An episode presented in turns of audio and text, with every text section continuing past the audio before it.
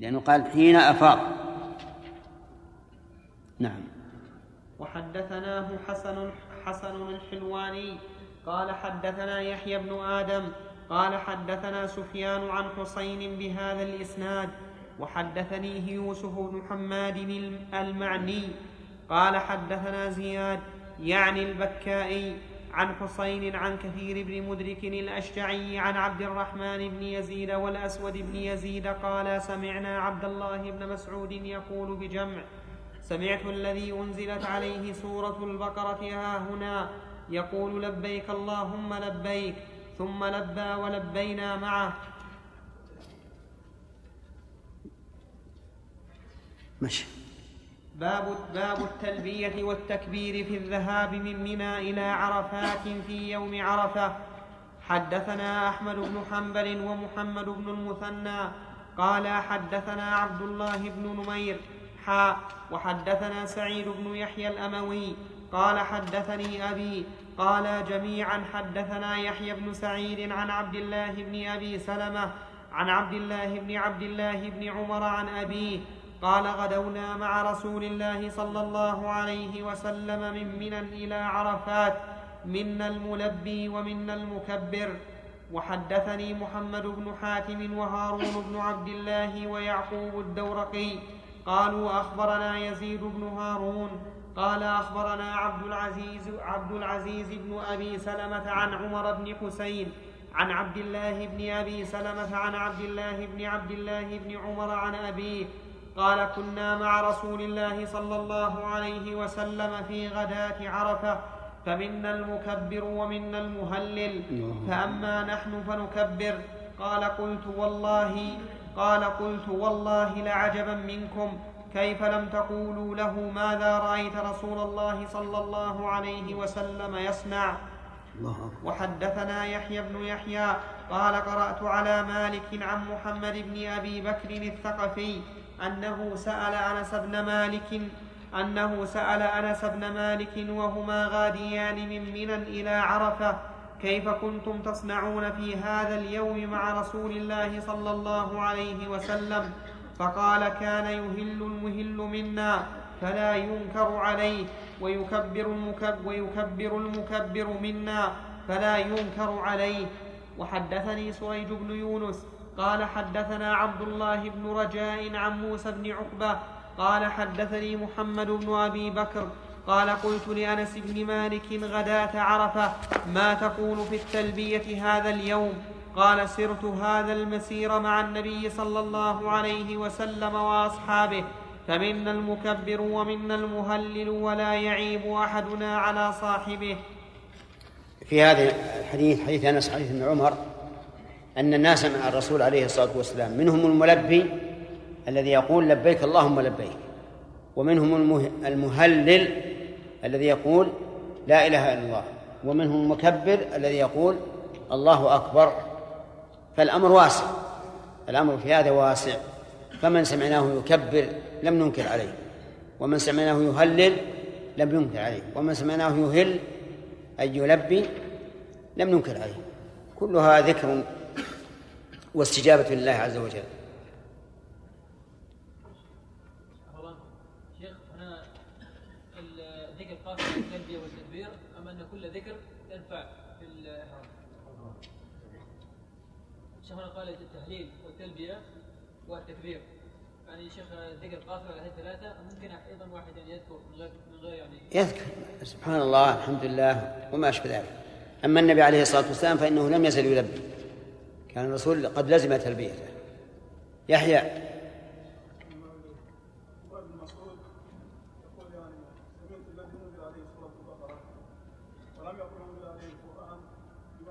إيه. خص سورة البقرة لأنها سلام القرآن.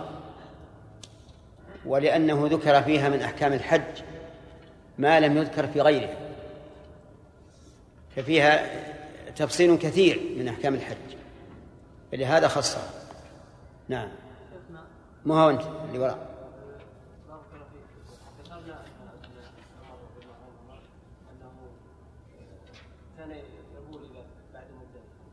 ولا يشرع له نعم. وذلك لأنه يتتبع أثاره نعم. هل يحمل عليه انه كان لا يترك السلام اثنين في شده ولا رخاء؟ هذا من باب أولى. لأن الرسول صلى الله عليه وسلم كان يصوم الاثنين والخميس تعبدا لله. يعني يتركهما يعني لا. كيف؟ ازدحام أي نعم؟ بالنسبة لنا نحن؟ أي نعم. السنة لا تزاحم. لا ابن عمر رضي الله عنه من شدة تمسكه لا بد أن يستند. المبيت بذي طواء سبق لنا هل هو سنة أو لأنه كان أسمح للدخول من أجل أن يستريح بعد عناء التعب آه، السفر ثم يدخل مكة نشيطا؟ نعم. باب الإفاضة من عرفات إلى المزدلفة واستحباب صلاتي المغرب والعشاء جميعا بالمزدلفة في هذه الليلة. عندنا جمعا جمعا. جميعا. كلنا نسخ فوق فوق جميعا وفي الشرح جمعا. عندنا. أنا عندي بالها... جمعا. تكتب نسخة.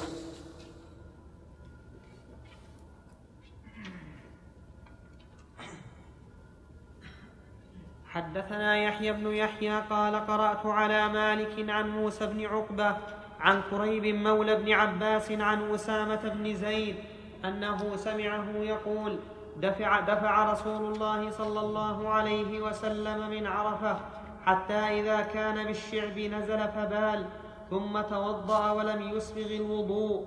فقلت له فقلت له الصلاة. قال الصلاة أمامك. فركب فلما جاء المزدلفة نزل فتوضأ فأسبغ الوضوء. ثم أقيمت ثم أقيمت الصلاة فصلى المغرب ثم أناخ كل إنسان بعيره في منزله. ثم أقيمت. ثم أقيمت العشاء فصلاها ولم يصل بينهما شيئا.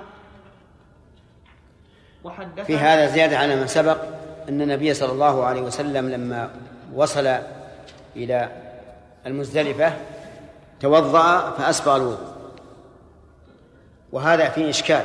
لأنه لم يذكر أنه بال بعد ذلك فهل يقال إن إن وضوءه الأول الذي خففه كالمقدمة بين يدي هذا الوضوء المسبغ أو يقال بأن تجديد الوضوء لا يشترط له أن يتقدمه صلاة لأن المشهور أن تجديد الوضوء لا يكون إلا إذا صلى بالوضوء الذي قبله. وفي أيضا من الفوائد أن النبي صلى الله عليه وسلم لم يوالي بين صلاتي المغرب والعشاء. فصلى المغرب أولا ثم أناخ كل إنسان بعيره في منزله ثم أقام وصلى العشاء. وفيه دليل على أنه لا يشترط الموالاة بين الصلاتين المجموعتين. لأنكم تعلمون أنه إذا كان كل إنسان يذهب إلى منزله وينيخ بعيره ثم يرجعون ويصلون مع الرسول صلى الله عليه وسلم أنه سيطول الوقت. سيطول الوقت. فيكون في ذلك دليل على أنه لا تشترط الموالاة بين الصلاتين. وقد وافق الفقهاء رحمهم الله ما دل عليه هذا هذا الحديث فيما إذا كانت الصلاة مجموعة إلى الثانية جمع تأخير أما جمع التقديم فاشترطوا الموالاة يا خالد. واختار الشيخ الإسلام رحمه الله أن الموالاة ليست شرطا لا في جمع التقديم ولا في جمع التأخير وقال إن إنه إذا جاز الجمع صار الوقتين صار الوقتان وقتا واحدا. ويجوز أن تصلي إحداهما في أول في أول وقت والثاني في آخر الوقت كما يجوز أن تصلي الصلاة الواحدة في وقتها في أول الوقت وفي آخر الوقت. عرفتم الآن؟ فصارت الموالاة بين المجموعتين إن كان في في وقت الأخرى آه، فلا تشترط. وإن كان في وقت الأولى ففيها خلاف فمن العلماء من يشترطها كالمشهور من المذهب ومنهم من لا يشترطها كما اختاره شيخ الإسلام ابن تيمية رحمه الله. وفيه أيضا من الفوائد أنه لا ينبغي للإنسان أن يبقي الراحلة واقفة بعد العناء والمشقة بل الأفضل أن أن ينيخها. وفيه أيضا دليل على أن الصحابة رضي الله عنهم لم يكونوا كلهم في منزل الرسول عليه الصلاة والسلام بل كل إنسان نزل فيما يناسب. لقوله عليه الصلاة والسلام وقفتها هنا وجمع كلها موقف. وهل يقال بالنسبة لإناخة البعير هل يقال مثل ذلك أن يطفئ الإنسان محرك السيارة؟ نعم ها؟ لا ولا نعم ما فهمت. نعم. إيه. إذا كان في مصلحة في بقاء المحرك مشتغلا يبقى.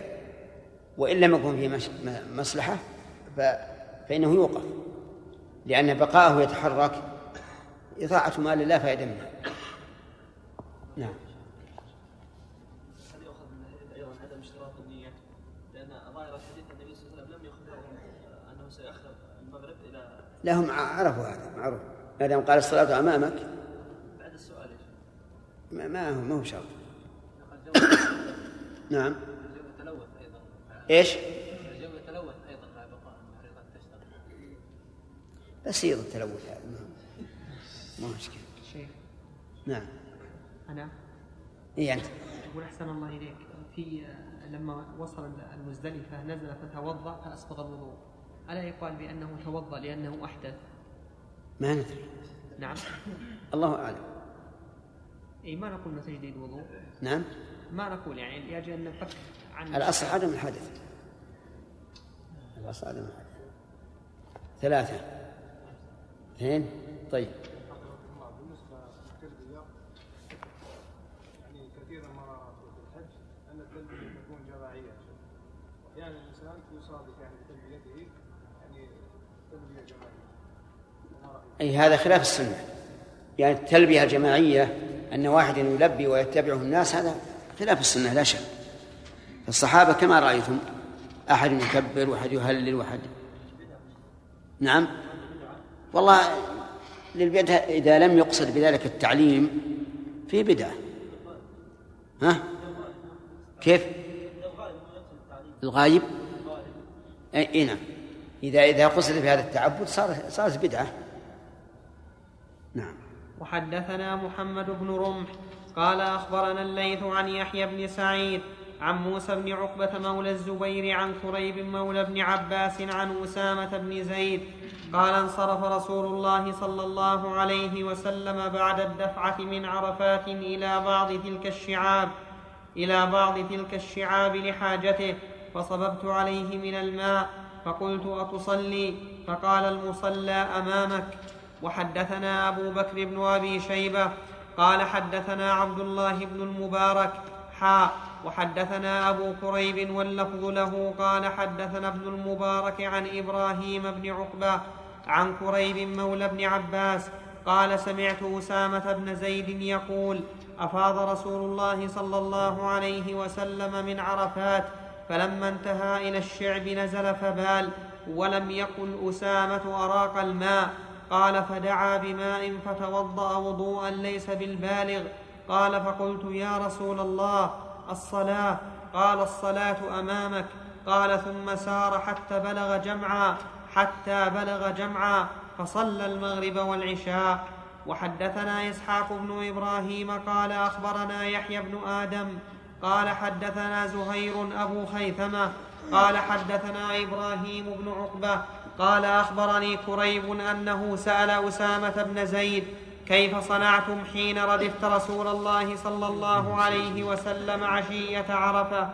فقال جئنا الشعب الذي قال جئ فقال جئنا الشعب الذي ينيخ الناس فيه للمغرب فأناخ رسول الله صلى الله عليه وسلم ناقته وبال وما قال أهراق الماء ثم دعا بالوضوء فتوضأ ثم وضوءا ثم دعا.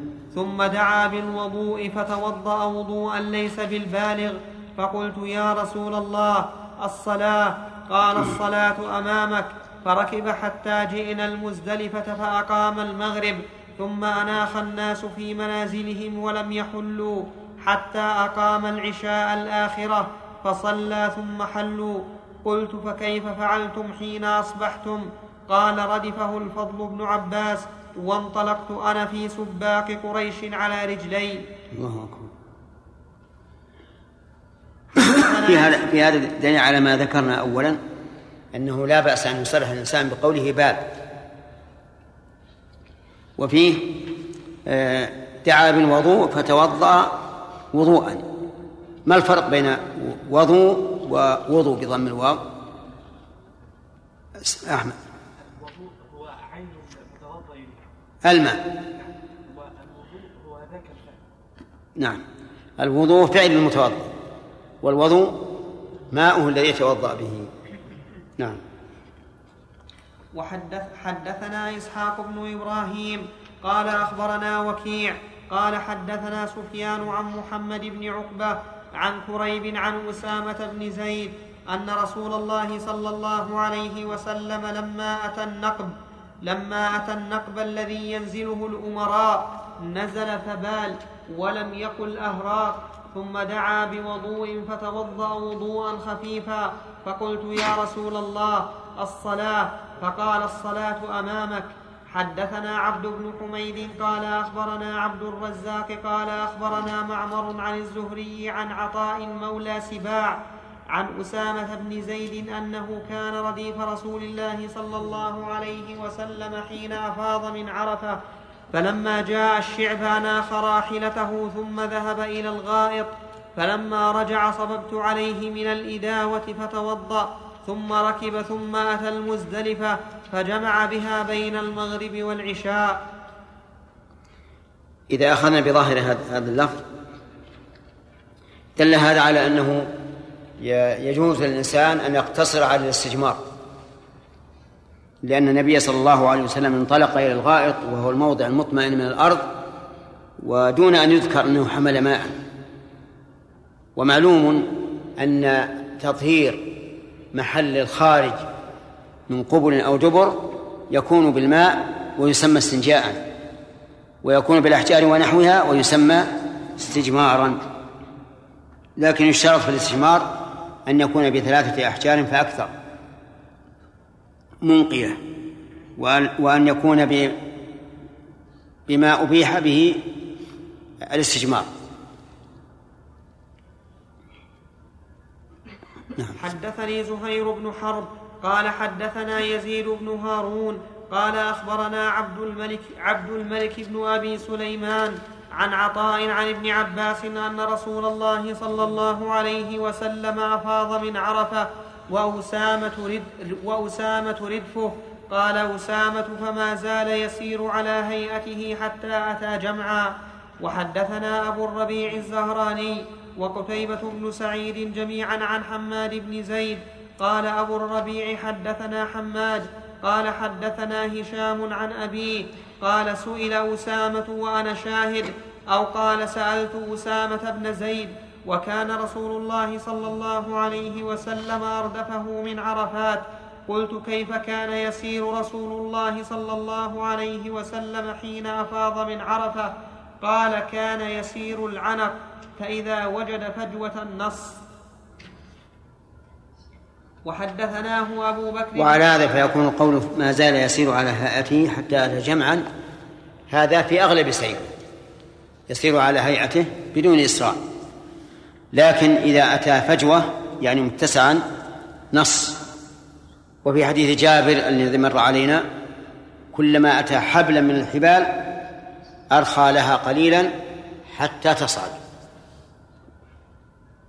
وعلى هذا فمثلا إذا كانت السيارات مزدحمة فالأولى أن لا تسقط عليها. الأولى أن لا تسقط. تأخذ سيدك ثم تمشي مع الناس على هيئتك. فإذا وجدت فرجة فلا بأس أن تسرع كما كان النبي عليه الصلاة والسلام يفعل. نعم. وحدثناه أبو بكر بن أبي شيبة قال حدثنا عبدة بن سليمان وعبد الله بن نمير وحمير بن عبد الرحمن عن هشام بن عروة بهذا الإسناد وزاد في حديث حميد قال هشام والنص فوق العنق. حدثنا يحيى بن يحيى قال أخبرنا سليمان بن بلال عن يحيى بن سعيد قال أخبرني عدي بن ثابت أن عبد الله بن يزيد أن عبد الله بن يزيد الخطمي الخطمي حدثه أن أبا أيوب أخبره أنه صلى مع رسول الله صلى الله عليه وسلم في حجة الوداع المغرب والعشاء بالمزدلفة. وحدثناه قتيبة وابن رمح عن الليث بن سعد عن يحيى بن سعيد بهذا الإسناد.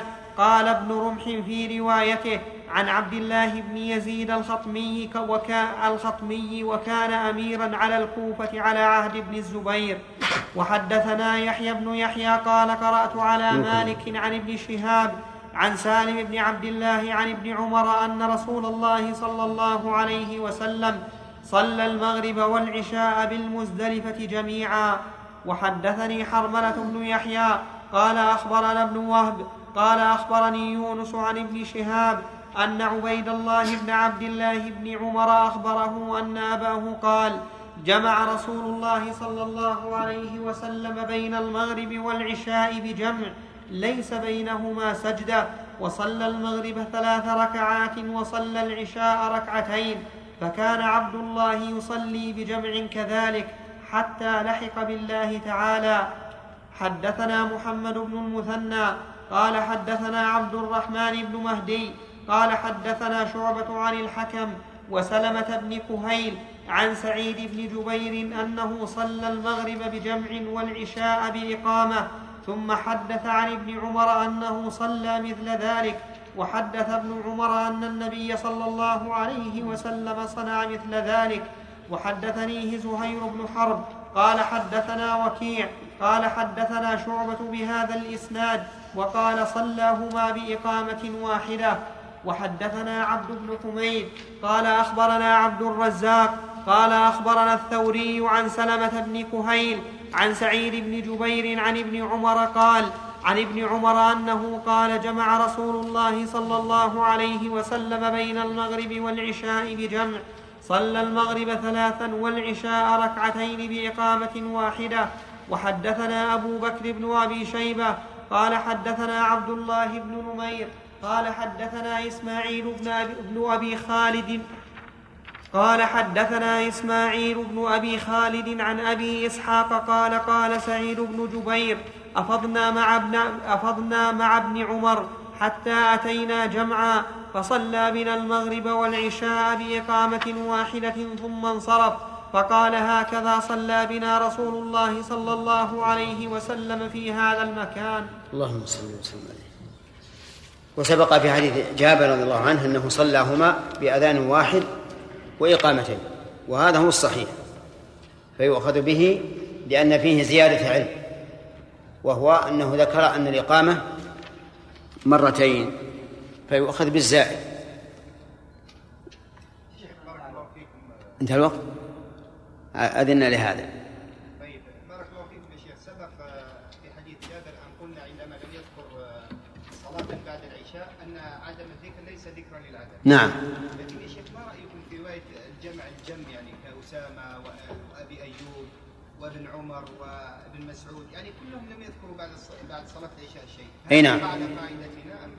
لا أنا أرى أن نبقى على قاعدة. انه أنه لا إنهم ما رأوا ذلك لأنهم كلهم ما ناموا إلى جنبه. وتعرف الناس عادة الناس إذا ناموا تفرق كل إنسان في منزله ولم يدع عن الآخر. وإذا كان لدينا أن الوتر كان النبي عليه الصلاة والسلام يحافظ عليه ولا يدعه حضرا ولا سفرا. في حتى ورد في بعض الأحاديث وإن كان فيها مقال مقال صلوا الوتر ولو طردتكم الخير فالظاهر أن الوتر لا بد منه وكذلك وكذلك سنة الفجر. أين يحرم الحجاج القادمون من السودان؟ وشريف موجود؟ أين يحرم الحجاج القادمون من السودان؟ فما وراءه كتشاد ونيجيريا وغيرها من الدول الإفريقية الغربية. أرجو التفصيل. هذا الذين يأتون إلى جدة راسا من وسط أفريقيا يحرمون من جدة لأنهم لا يحاذون رابغا ولا يلملم وأما الذين يأتون من اليمين أو الشمال عن جدة فهؤلاء أتوا من الشمال يحرمون إذا حاذوا رابغا والذين يأتون من الجنوب إذا حاذوا يلملم. وهذا آه هل يشرع الاعتمار بعد الحج في في ذي الحجة؟ علما بأن بعض أهل المذاهب يجوز بحج مفرد ويرون ويرون الإفراد أفضل من التمتع والقران وأن وأنهم قد أتوا. من بلاد بعيدة وإذا وإذا رجعوا إلى بلادهم بدون اعتمار لا يتمكنون من الرجوع مرة ثانية. بع- لبعد المسافة أو المشقة الع- العودة أو لقلة ذات اليد. ولذلك هم يعتمرون من بعد الحج مباشرة ثم يعودون إلى بلادهم. هؤلاء نبين لهم الطريق الصحيح ونقول اجعل العمرة قبل الحج لتكونوا متمتعين. فإذا قالوا لا نجد الهدي. نقول صوموا ثلاثة أيام الحج وسبع رجعتم. عرفت؟ ولا ولا نسكت على ما على ما فعل. وما ذهب إليه بعض العلماء من أن الإفراد من أن الإفراد أفضل. لا شك أنه مرجوح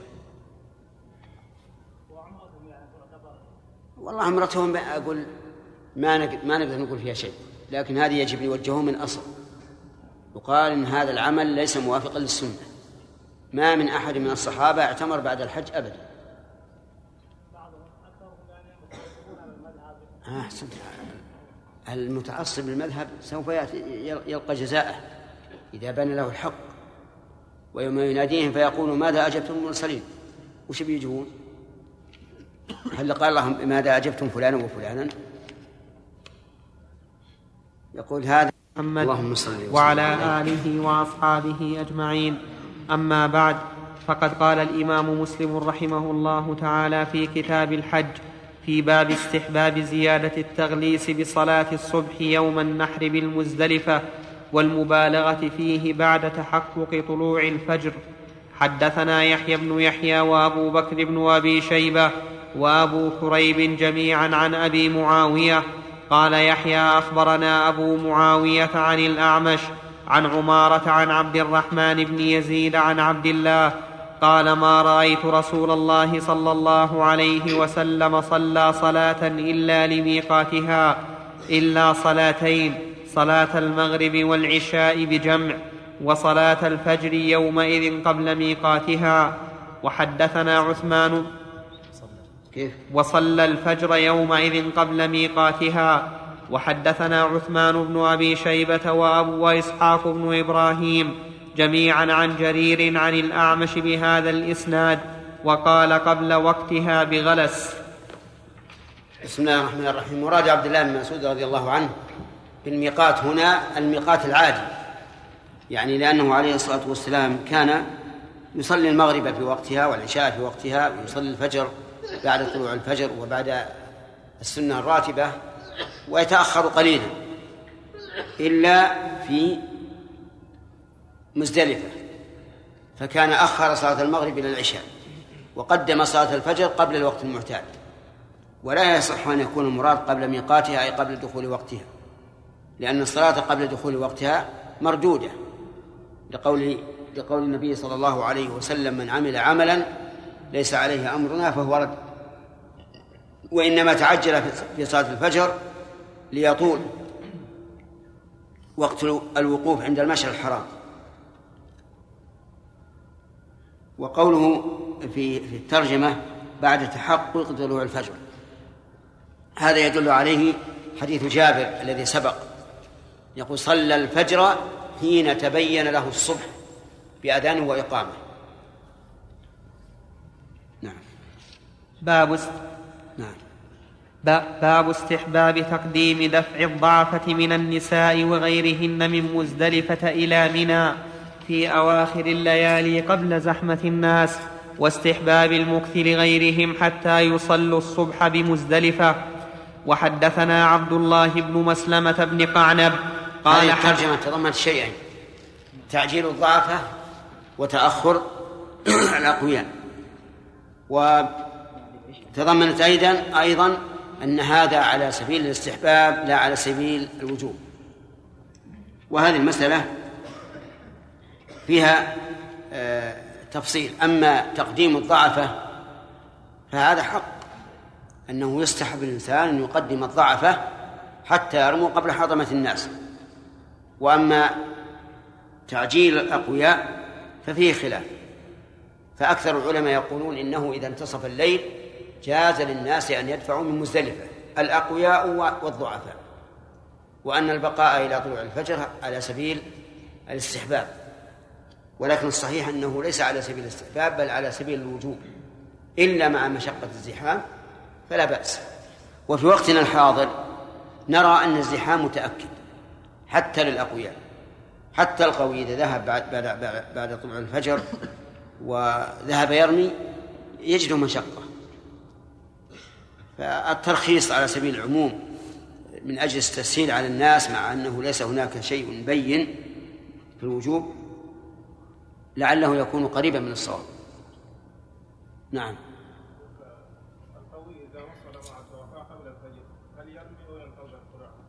من وصل إلى منى رمى. متى وصل؟ هنا نعم. شراف.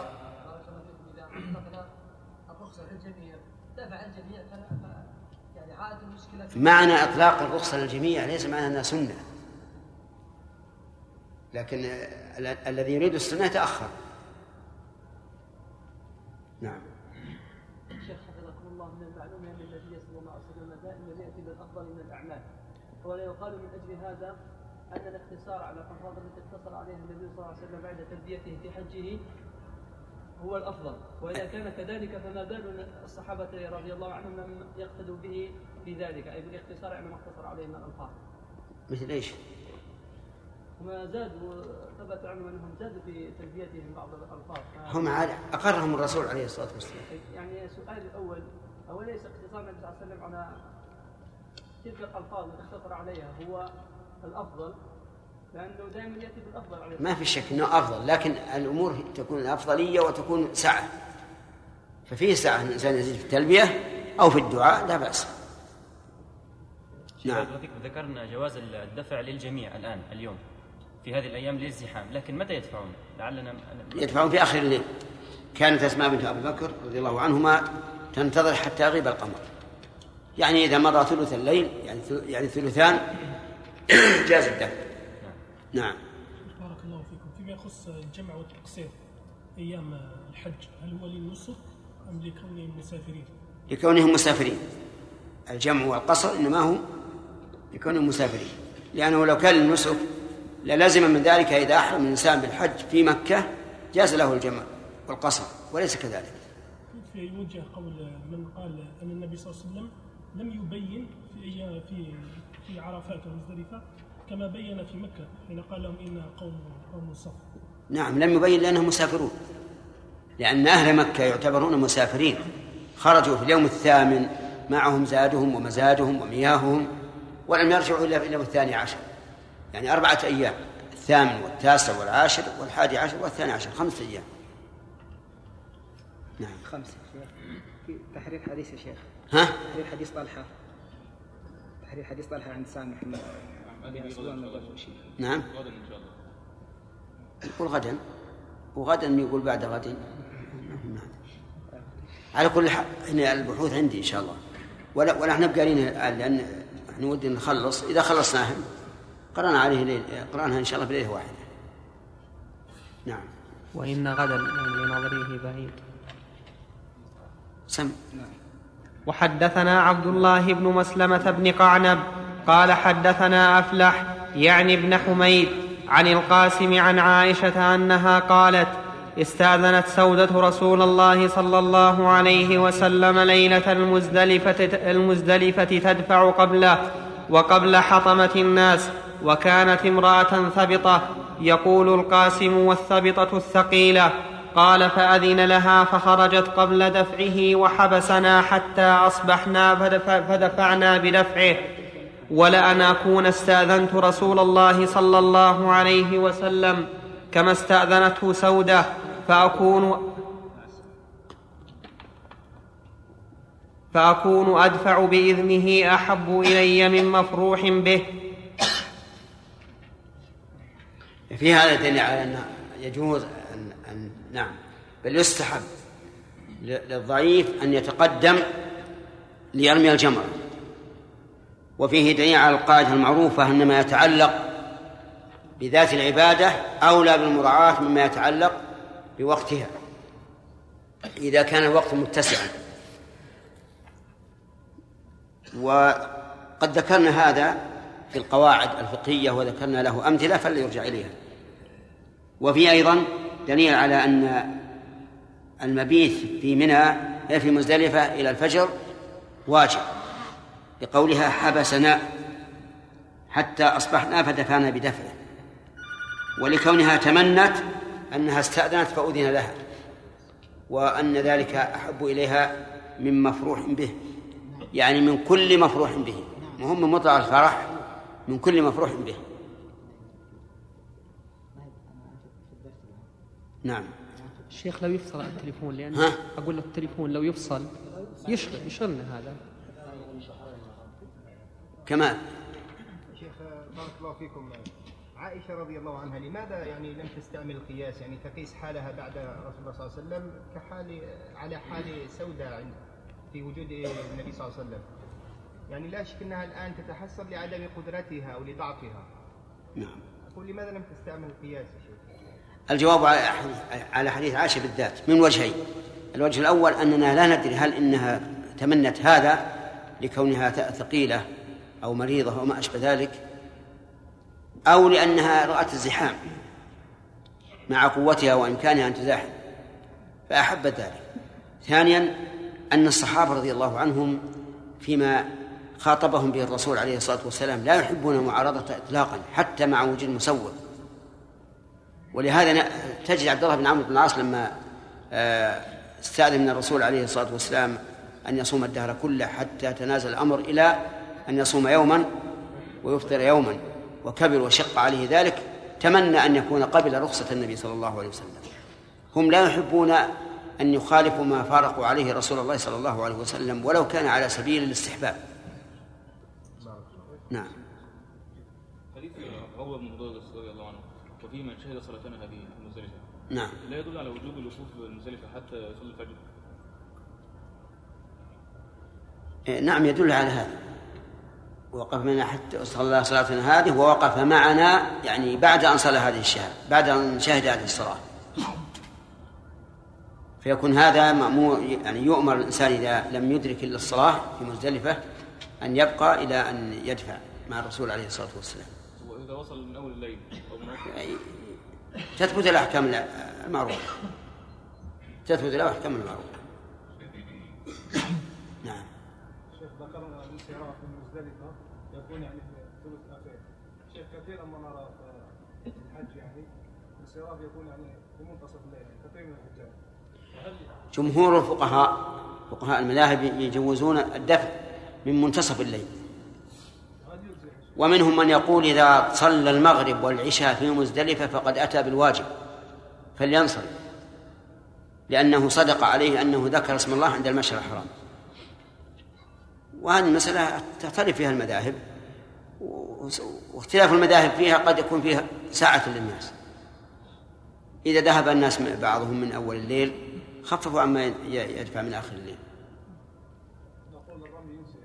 نعم الرمي يجزي قبل يعني إي نعم يجزي عند هؤلاء. يجزي. ومتى جاز الدفع؟ جاز الرمي. ثلاثة. نعم. قل أحسن الله إليك. إذا كان ما في حاجة للتليفون لماذا لا يفصل يا شيخ؟ ما أدري هو وش الح- وش حاجة؟ أنا ما أدري أخبروني قال إنه في تليفون بيأتي. ها؟ أخبرني سعد قال في تليفون بيأتي ما أدري. لا، ما- الأخوان ليلة الأحد على كل حال صحيح وليلة الجمعة أي نعم. عشان لا فصل ما صحيح آه، سكت نعم. وحدثنا إسحاق بن إبراهيم ومحمد بن المثنى جميعا عن الثقفي. قال ابن المثنى حدثنا عبد الوهاب. قال حدثنا أيوب عن عبد الرحمن بن القاسم عن القاسم عن عائشة قالت كانت سودة امرأة ضخمة ثبطه فاستأذنت رسول الله صلى الله عليه وسلم أن تفيض من جمع بليل. فأذن لها فقالت عائشة فليتني كنت استأذنت رسول الله صلى الله عليه وسلم كما استأذنته سودة وكانت عائشة لا تفيض إلا مع الإمام. وحدثنا ابن إذا نمير تصورنا حج الصحابة رضي الله عنهم وجدنا أنه حج حقيقي يقتدي الناس بإمام واحد يدفعون بدفعه وينزلون بنزوله وتجد الأمة كلها خلف إمام واحد. فتحصل المنافع العظيمة التي ذكرها الله عز وجل في قوله ليشهدوا منافع لهم. لكن اليوم مع الأسف كل أمير نفسه ربما يختلف أهل السيارة الواحدة. كل واحد يرى رأي وهذا لا شك أنه خلاف السنة. وأن السنة أن يكون للحج إمام يرجع إليه ويكون هو القائد لهذا الجمع العظيم.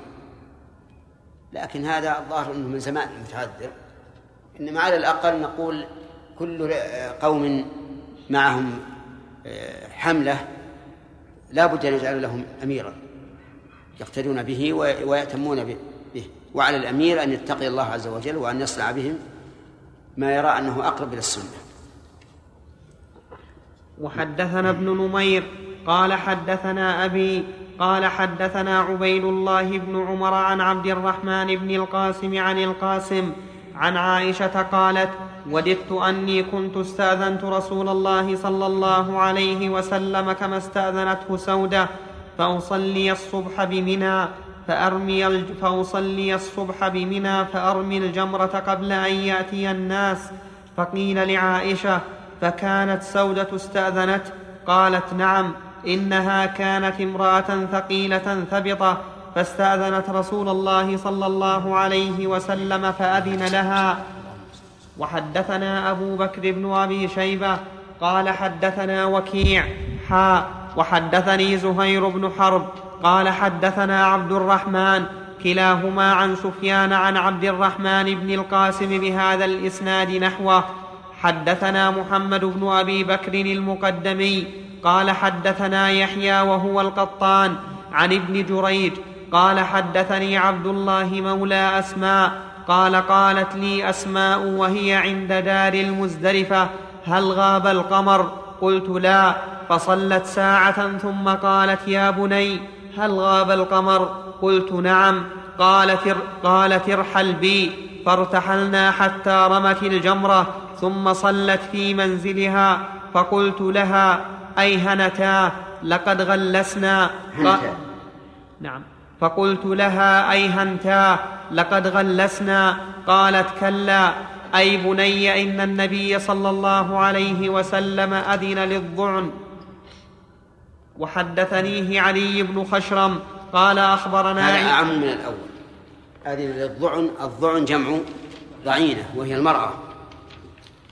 وذلك لأن الغالب على النساء الضعف. وعدم مزاح وعدم تحمل مزاحمة الرجال.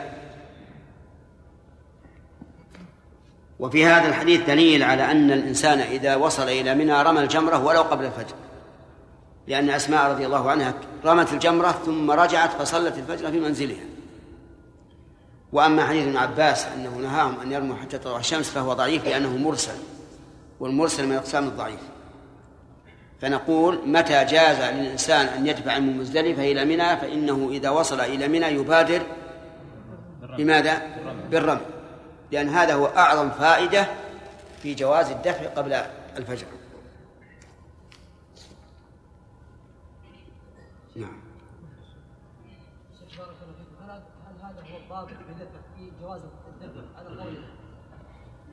والله هذا هو الأقرب شيء. أقرب شيء هو هذا.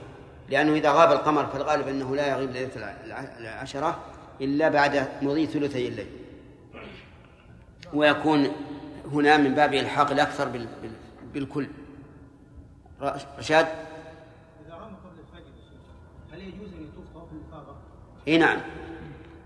إذا رمى قبل الفجر جاز أن يطوف طواف الإفاضة. إلا النحر فإنه لا ينحر حتى ترتفع الشمس. منزلها في منى. نعم. وحدثنيه علي بن خشرم قال أخبرنا عيسى بن يونس عن ابن جريج بهذا الإسناد وفي روايته قالت بقي علينا كلمة أذن. أذن أذن. هل هو مرفوع صريحا أو حكما؟ حكما. لأنها لم تضف إلى الرسول صلى الله عليه وسلم صراحة لكن من المعلوم أن الصحابة رضي الله عنهم إذا أسندوا الأحكام لما يريدون بذلك الرسول عليه الصلاة والسلام. وحدثنيه علي بن خشرم قال أخبرنا عيسى بن يونس عن ابن جريج بهذا الإسناد وفي روايته قالت لا أي بني إن نبي الله صلى الله عليه وسلم أذن لظعنه حدثني محمد بن حاتم قال حدثنا يحيى بن سعيد. حا. هذا صريح. هذا مرفوع صريح. والأول شيخ والأول كذلك ها؟ والأول كذلك عندنا. أذن. الأول؟ نعم. إيه. أذن إذن هو الرسول عليه الصلاة والسلام فيكون صريحا نعم. حدثني محمد بن حاتم قال حدثنا يحيى بن سعيد حاء وحدثني علي بن خشرم قال أخبرنا عيسى جميعا عن ابن جريج قال أخبرني عطاء أن ابن شوال أخبره أنه دخل على أم حبيبة فأخبرته أن النبي صلى الله عليه وسلم بعث بها من جمع بليل. ابن شوال. فيه ابن شعبان ورمضان. ورجب وشوال وربيع. وش بقي؟ وصفر. محرم موجود؟ محرم. بقينا جمادى. ما يسمي الأنثى جمادى لأنه مؤنث. أي نعم. أي ذو القعدة مضافة. الحج الله نعم. وحدثنا أبو بكر بن أبي شيبة قال حدثنا سفيان بن عيينة قال حدثنا عمرو بن دينار حاء وحدثنا عمرو الناقد قال حدثنا سفيان عن عمرو بن دينار عن سالم بن شوال عن أم حبيبة قالت كنا نفعله على عهد النبي صلى الله عليه وسلم نغلس من جمع إلى منى. وفي رواية الناقد نغلس من مزدلفة.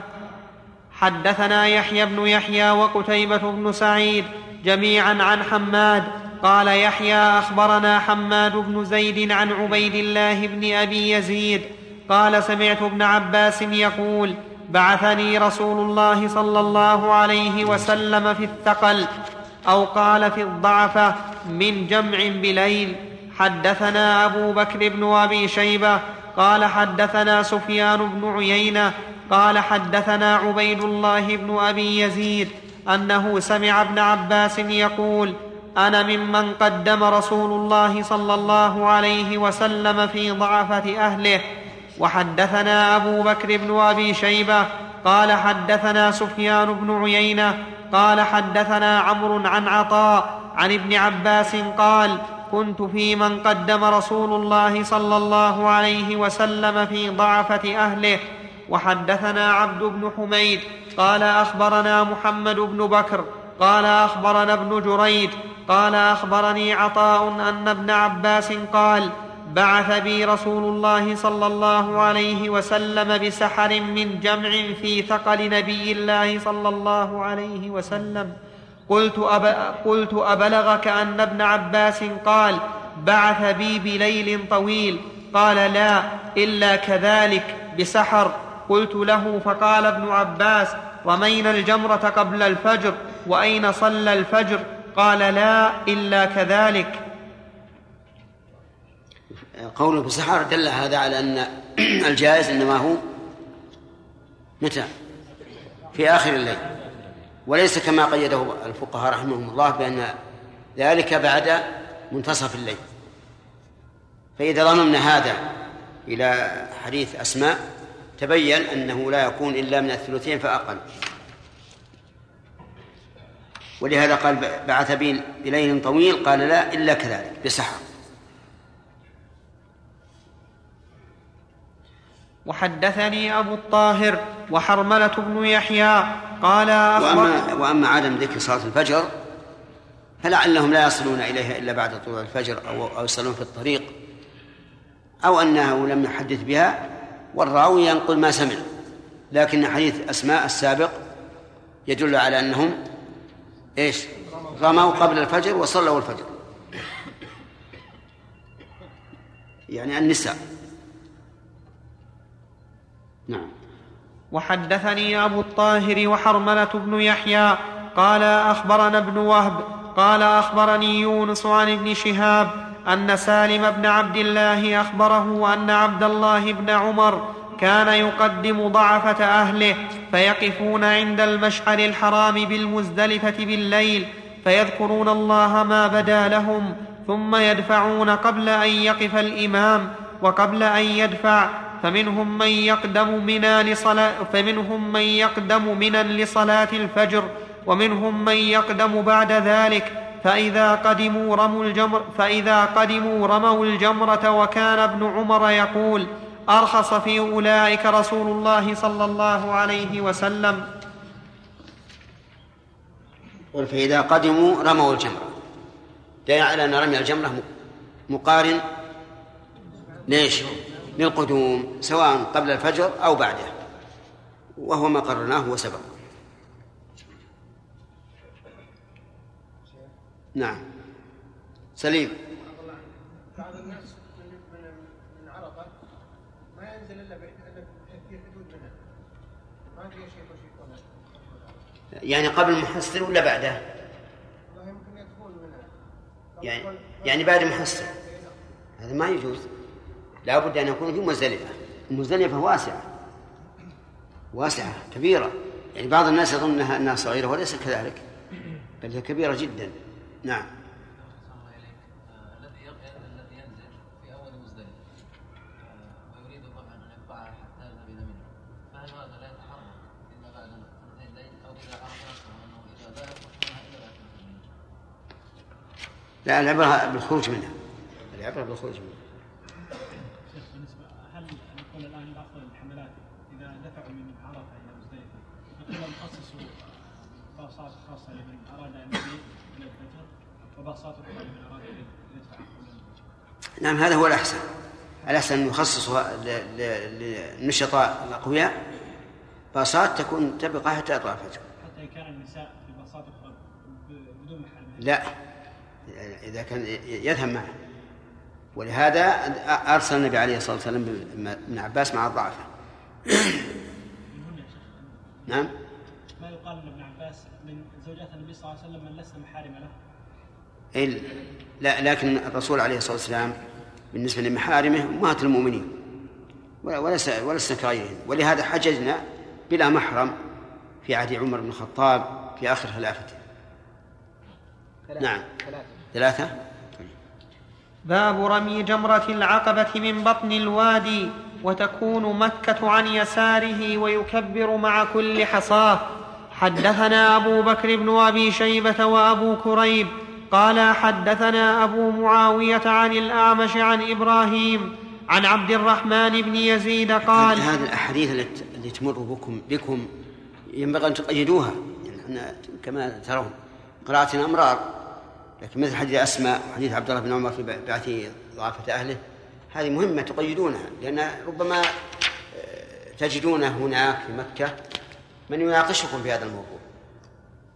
فإذا كان لديكم آه، شيء مكتوب آه، كان حسنا. لأن الإنسان يكون في في وقت المذاكرة قد رسخت المسألة في ذهنه. لكن بعد أن يفارق المكان تضيع. ينسى وتضيع. نعم. طيب اللي والله يا شيخ الأحاديث المختارة من لا بأس طيب. نعم لأنها مفيدة في موضعها. شيخ الاعتماد عليكم. يعني إذا كان الحديث ترون ذلك فنبهوني. إي ما شاء الله. تمام. أنت المسؤول. لأن أنا ربما مع التعليق و... إذا والأسئلة. أستأذنكم مثلا. أنسى. نعم. إذا استاذنكم في. يعني كل حديث أراه انه لا بأس طيب. زين. نعم. صحيح ترى فاتنا أحاديث كثيرة. نعم. أقول فاتنا أحاديث كثيرة ما أضافها إلى الحديث التي تقيد. أي في في أغلب كتاب الحج. يعني في ذكرنا حديث جابر حديث جابر. جابر اضفته نعم أي أضفناه. وهو أهم ما يكون في فيما مر ذكرنا أن امهات المؤمنين حججنا بدون محرم نعم. نعم. هل يحتاج محتاج يقول أيضا ايات الحجاب تختص بامهات المؤمنين لا لا. يعني ما تخص لأن في أحاديث قل يا أيها النبي قل, قل لأزواجك وبناتك ونساء المؤمنين يدين عليهن من جلابيبهن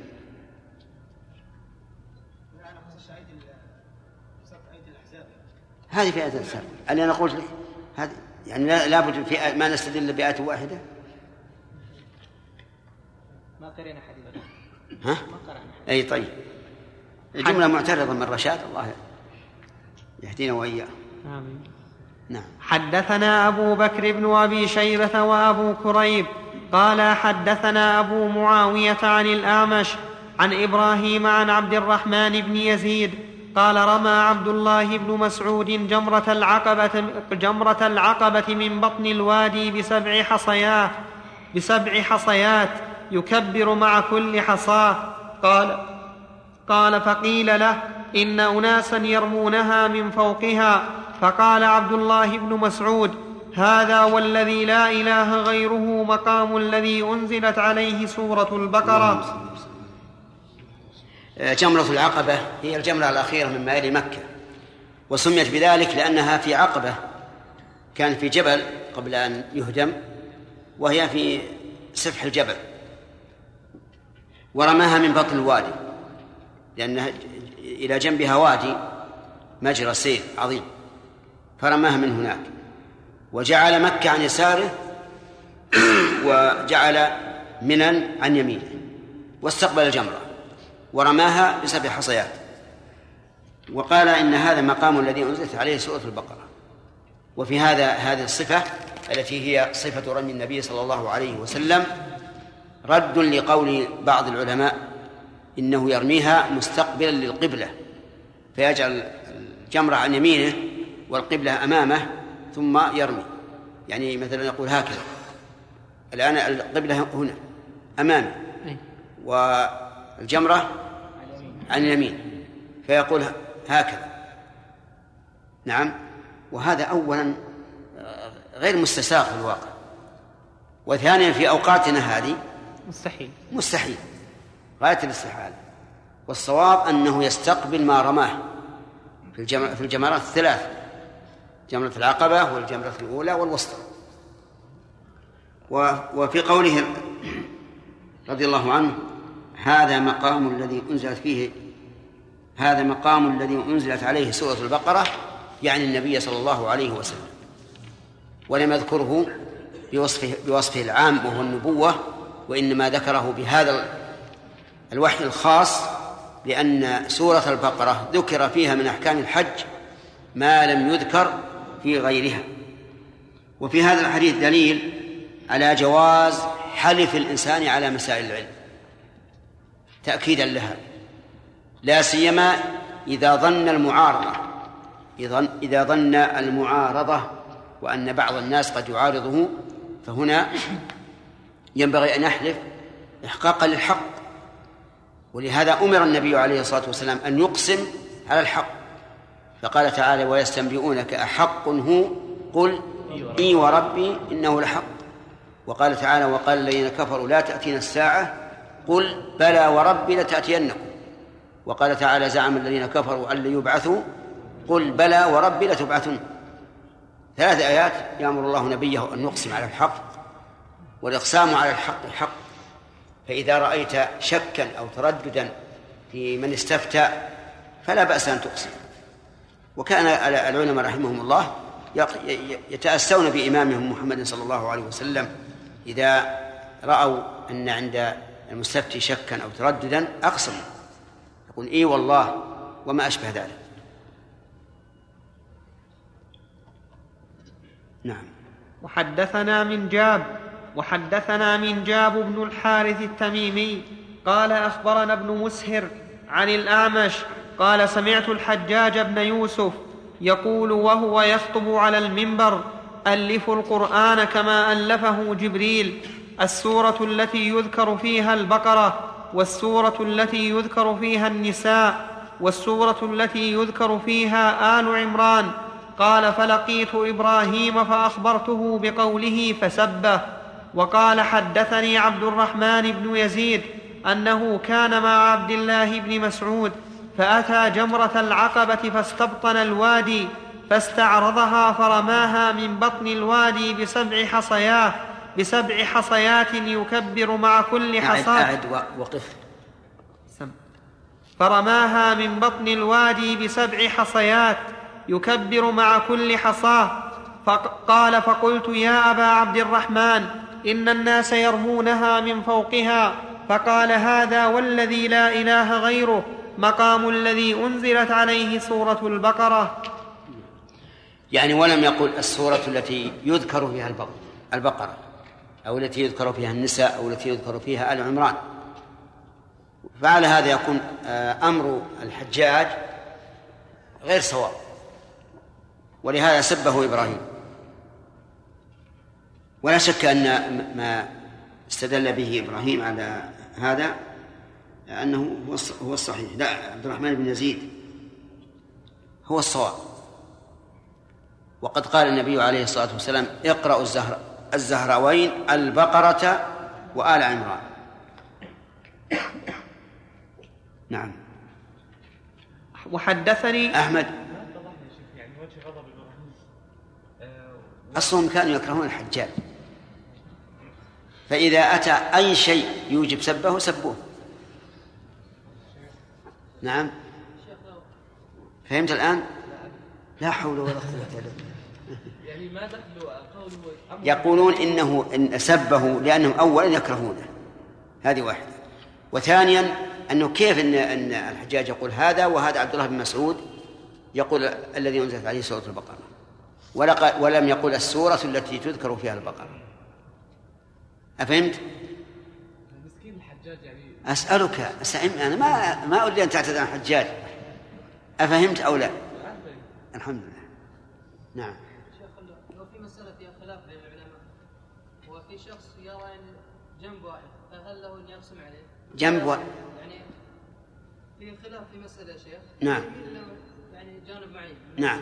نعم. هل له أن يقسم عليها إذا؟ إذا كان مجتهدا. نعم. وتبين له أن هذا الحق فليقسم. حتى لو كان من العلماء. ولو كان نعم يعني لو كان أيضا طالب علم وينقل مثلا أنا سألت قلت إذا كان مجتهدا. نعم كيف ترجع تقول إذا كان مقلدا؟ لا طيب أقول ولو كان يا شيخ مثلا هو طالب علم ونقل إذا كان مجتهدا بارك الله فيك تبين له بالدليل أن الحكم كذا. فليقسم عليه. نعم عبد المجيد. عبد السلام نعم. وليس في حديث عروة يا شيخ. يعني دليل على عدم وجود المبيت في مزدلفة إيش ليس فيه؟ حديث عروة بن نعم. أليس فيه دليل على عدم الوجود لا فيه دليل على أنه إذا أدرك صلاة الفجر في الوقت الذي صلاها الرسول عليه الصلاة والسلام كفى عن المبيت. لأنه لأنه قال من شهد صلاتها صلاتنا هذه ووقف معنا حتى هذه إشارة إلى أن إلى الوقت الذي صلاها فيه. إلى الوقت الذي صلاها فيه وهو المبكر. ووقف معنا حتى ندفع فقد تم حجه وقضى تفته وحضر الصلاة لم يت- لم يبت يعني مثلا لو فرضنا إنسان ما وصل من عرفة إلا بعد طلوع الفجر لكنه الفجر المبكر وصلى في في مزدلفة فظاهر حديث عروة أنه لا لا شيء عليه.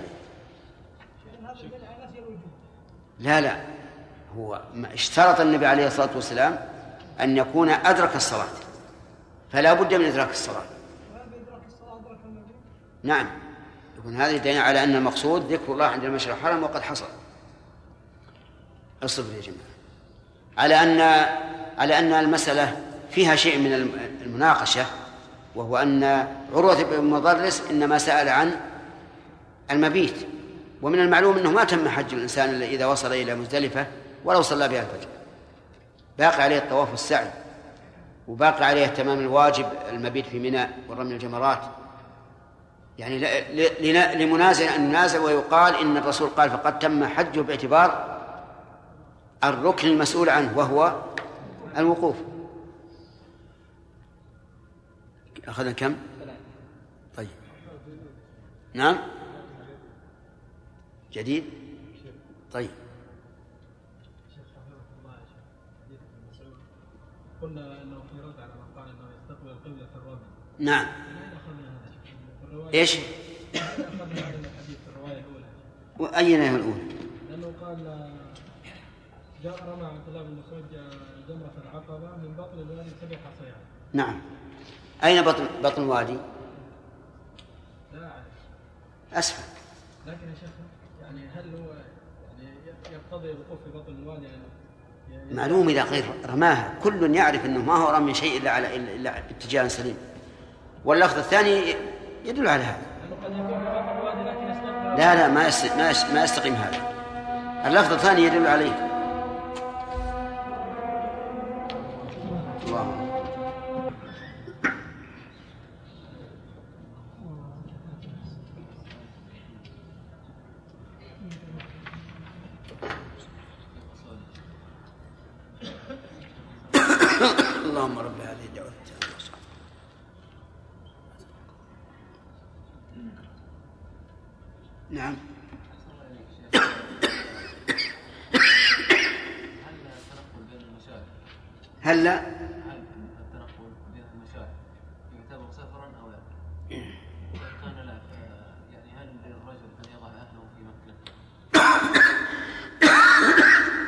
من مكة للحج فهو مسافر.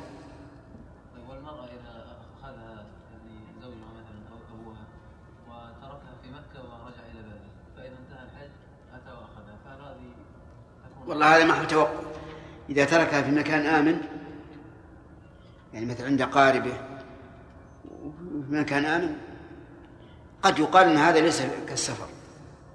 لأن لو لو قدرنا انفردت وحدها في هذا البلد وكان قاربها في مكان آخر. لا نقول يلزمها أن تسافر إليهم أو أن يأتي أحد منهم إليها. ولا حكم للسفر من إلى عرفه هي سفر واحد. حينما يخرج من مكة إلى أن يرجع إليها. نعم. خمسة يا شيخ. ها؟ خمسة. خمسة؟ نعم. طيب.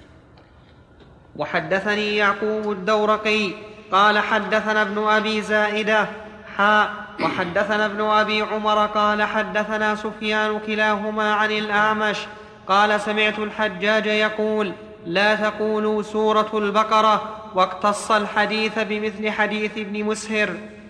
وحدثنا أبو بكر بن أبي شيبة قال حدثنا غندر عن شعبة حاء وحدثنا محمد بن المثنى وابن بشار قال حدثنا محمد بن جعفر قال حدثنا شعبة عن الحكم عن إبراهيم عن عبد الرحمن بن يزيد أنه حج مع عبد الله قال فرمى الجمرة بسبع حصيات وجعل البيت عن يساره ومنا عن يمينه وقال هذا مقام الذي أنزلت عليه سورة البقرة وحدثنا هذا عبيد السؤال الأخ اللي سأل قبل قليل اللي سأل قبل ما في دليل هذا اللفظ يدل على هذا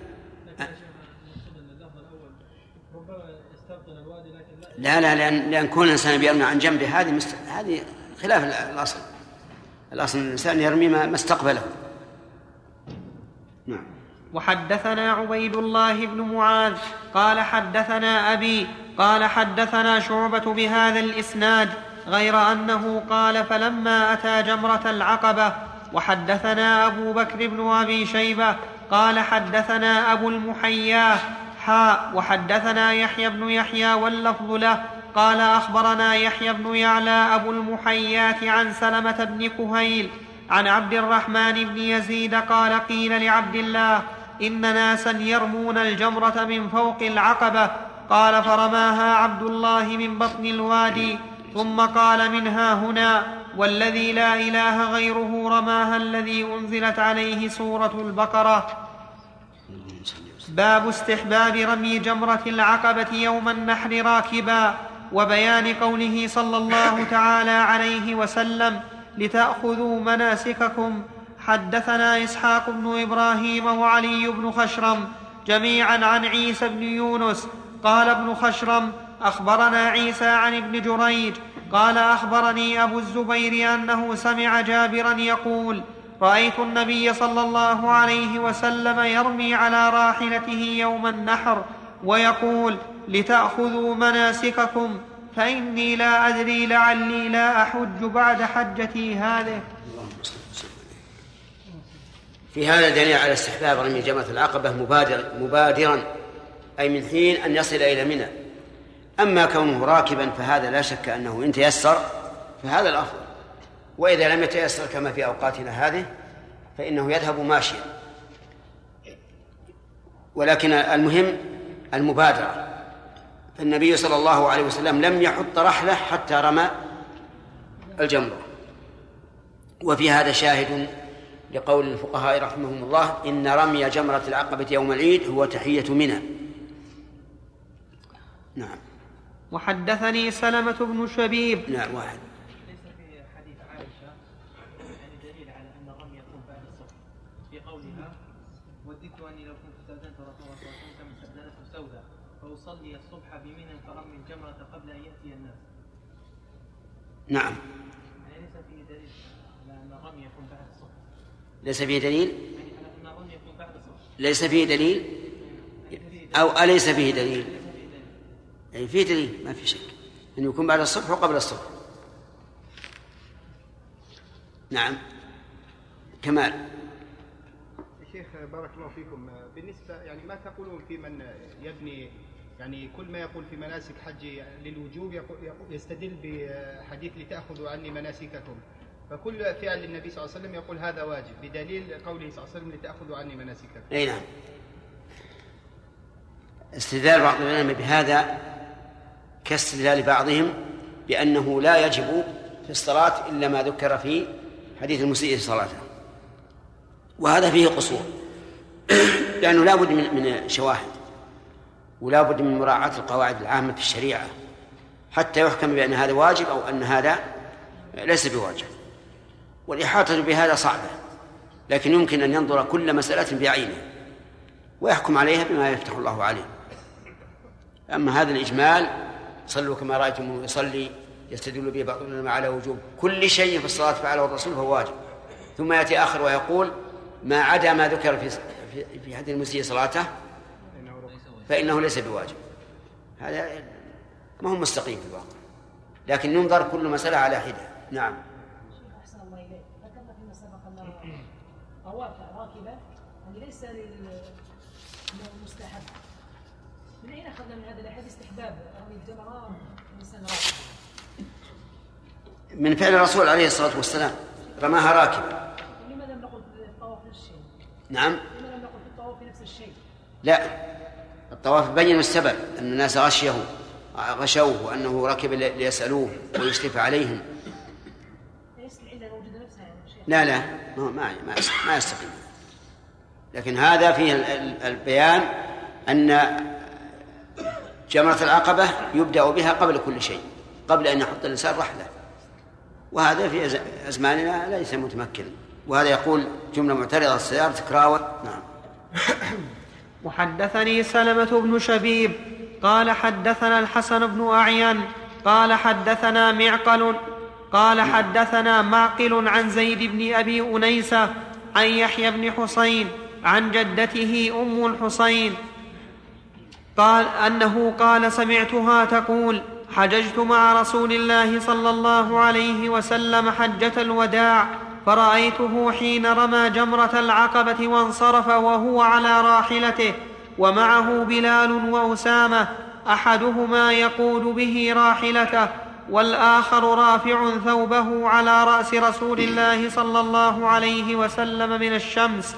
قالت فقال رسول الله صلى الله عليه وسلم قولا كثيرا ثم سمعته يقول إن أمر عليكم إن أمر عليكم عبد مجدع حسبتها قالت أسود يقودكم بكتاب الله تعالى فاسمعوا له وأطيعوا.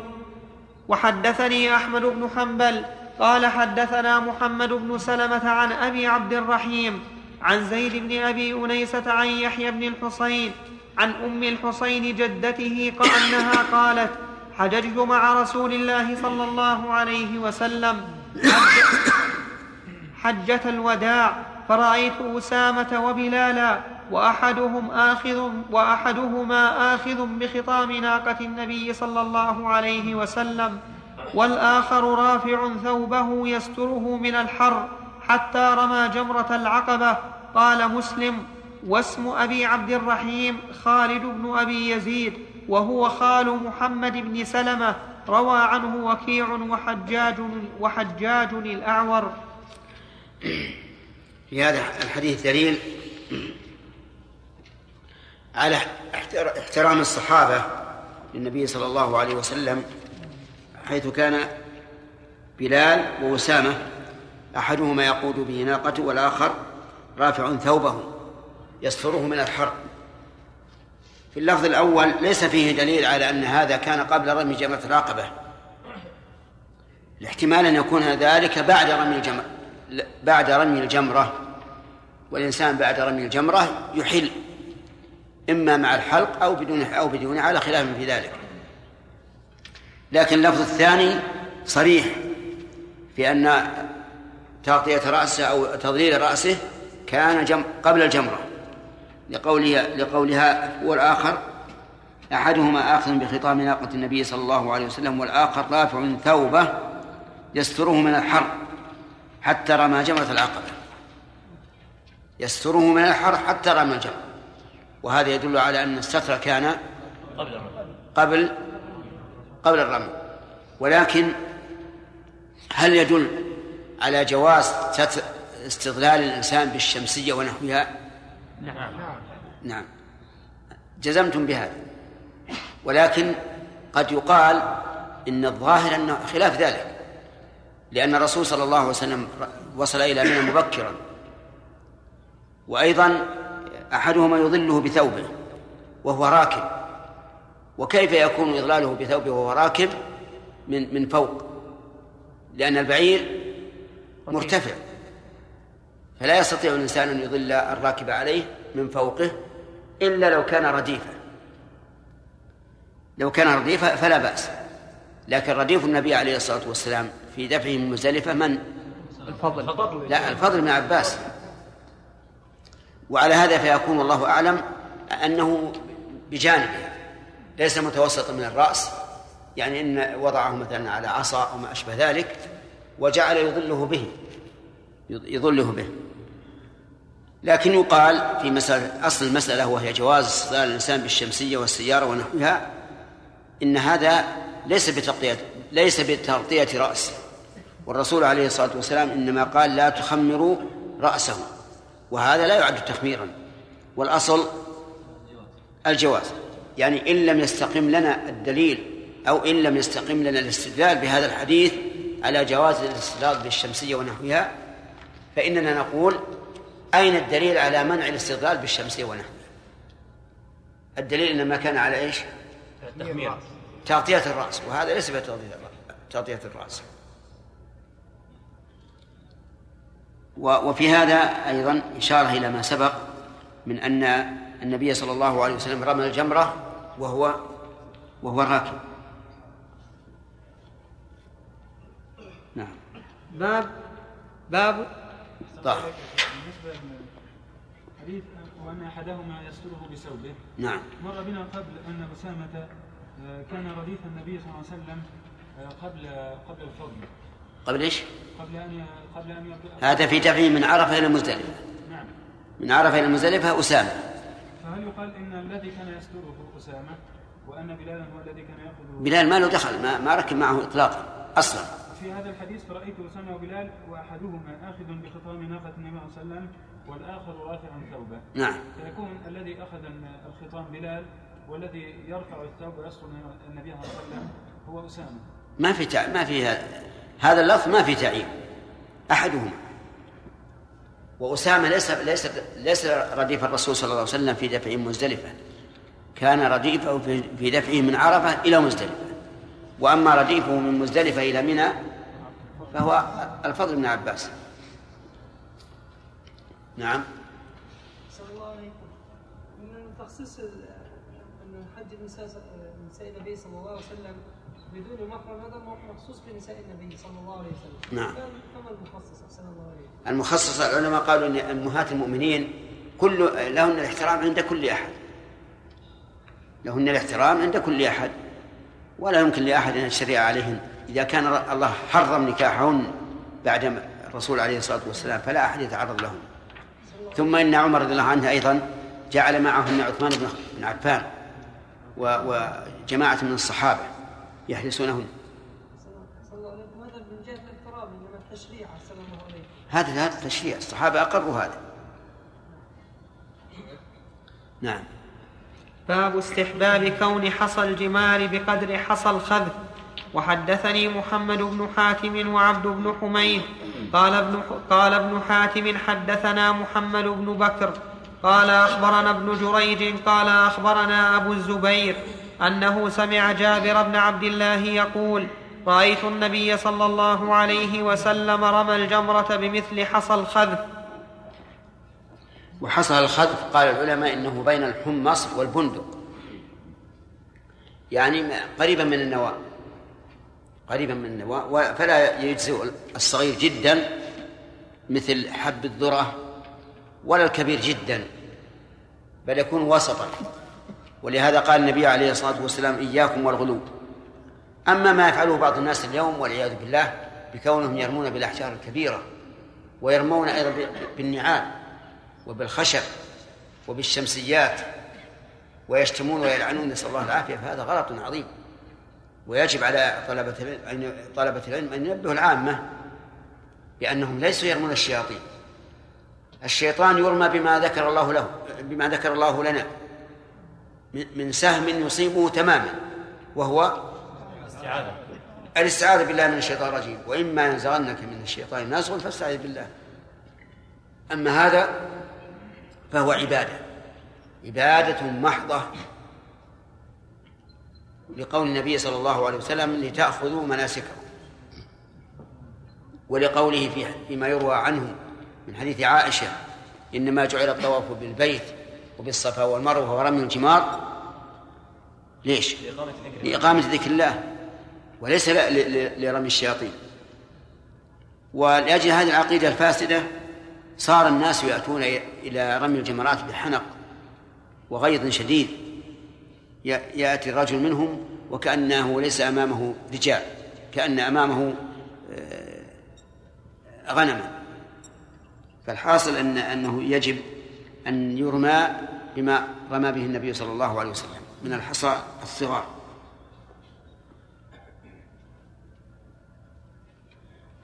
ولا بد من أن تكون السبع متعاقبات واحدة بعد الأخرى. يعني الله أكبر الله أكبر إلى آخره. فلو رماها جميعا كما يفعل بعض الناس إذا ضاقت عليه آه، زحام شديدا رماها جميعا. فهل يجزئه عن واحدة أو عن السبع أو لا يجزئه؟ قيل يجزئه عن واحدة ولا أعلم أحدا قال يجزئه عن السبع. و و ولو قال قائل بأنه لا يجزئه لأن هذا من نوع من الاستهزاء. لكن في الغالب أن الذي يفعله لا يقصد الاستهزاء وإنما يقصد الخوف على نفسه. نعم. باب بيان هل هو خاص بجمرة العقبة؟ إي نعم. لا جمرة العقبة فقط. أما بعد ذلك فيكون ماشيا ما جاء شيخ ها؟ ما جاء وقت السؤال. سلام. طيب. باب بيان وقت استحباب الرمي. وحدثنا أبو بكر بن أبي شيبة قال حدثنا أبو خالد الأحمر وابن إدريس عن ابن جريج عن أبي الزبير عن جابر قال رمى رسول الله صلى الله عليه وسلم الجمرة يوم النحر ضحى وأما بعد فإذا زالت الشمس. وحدثناه علي بن خشرم قال أخبرنا عيسى قال أخبرنا ابن جريج قال أخبرني أبو الزبير أنه سمع جابر بن عبد الله يقول كان النبي صلى الله عليه وسلم بمثله. يعني يعني أنه رمى جمرة العقبة ضحى. وأما بعد ذلك فإذا زالت الشمس. وقال ابن عمر كنا نتحين فإذا زالت الشمس رمينا. أما جمرة العقبة يوم العيد فقد عرفتم أن لها وقتا قبل الضحى. متى؟ في آخر الليل لمن لمن جاز له الدفع من مزدلفة. وأما بعد يوم العيد فكان النبي صلى الله عليه وسلم لا يرميها إلا إذا زالت الشمس. وفي هذا دليل على أن التأخير إلى الزوال أمر واجب لا بد منه. بقول ابن عمر كنا نتحين. أي ننتظر زوال الشمس فإذا زالت رمينا. ولأن النبي صلى الله عليه وسلم رماها بعد الزوال. ولم نعلم أنه أذن لأحد أن يرميها قبل الزوال كما فعل ذلك في جمرة العقبة حيث رخص للضعفة أن يرموا قبل الضحى. ولأن النبي صلى الله عليه وسلم اختار هذا الوقت مع شدته ومشقته في الحر ولو كان الرمي قبل الزوال جائزا لفعله النبي عليه الصلاة والسلام لأنه يختار الأيسر ما لم يكن إثما. فعلى كل حال لا يجوز الإنسان أن يترخص برمي الجمرات قبل الزوال. وأما مسألة الزحام فالزحام والحمد لله لها حل. حلها أن لا يرمي مع أول الناس. يؤخر إلى العصر يؤخر إلى الليل له إلى إلى الصباح. إلى الفجر من اليوم الثاني. وفي هذا متسع. متسع الإنسان يكفيه إن شاء الله.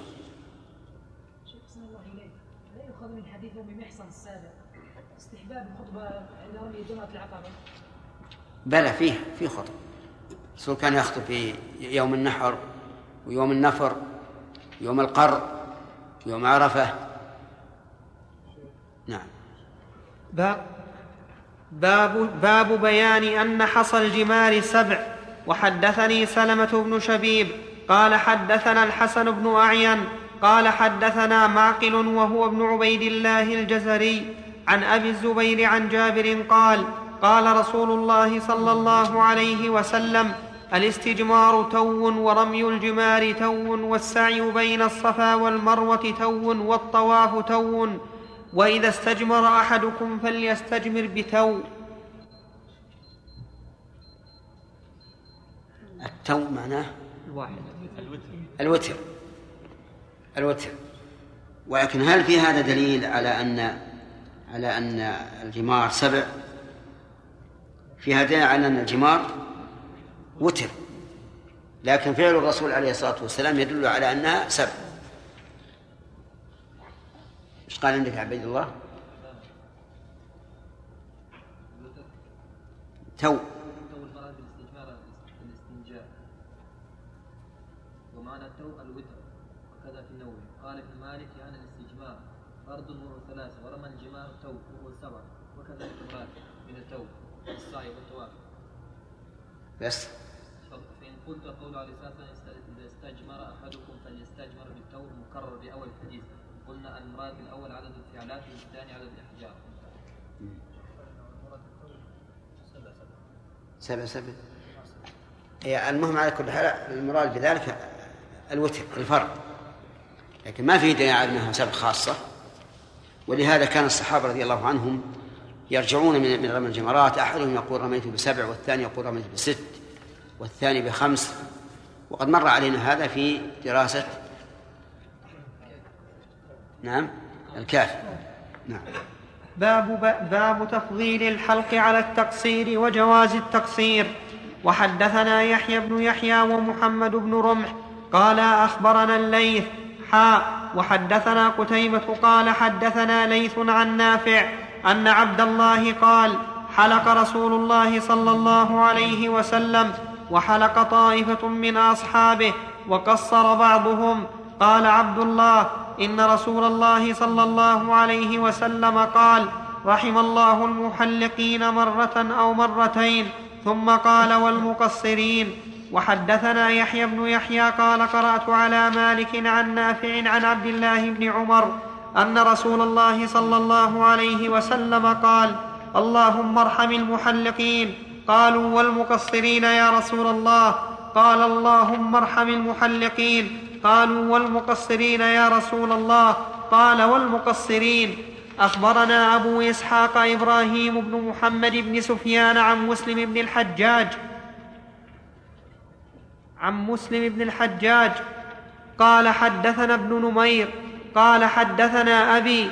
قال حدثنا عبيد الله بن عمر عن نافع عن ابن عمر أن رسول الله صلى الله عليه وسلم قال رحم الله المحلقين. قالوا والمقصرين يا رسول الله قال رحم الله المحلقين قالوا والمقصرين يا رسول الله قال رحم الله المحلقين قالوا والمقصرين يا رسول الله قال والمقصرين وحدثنا كم دعا لهم؟ ثلاثا. نعم. ثلاثا. أو أربعة. ثلاثا. نعم.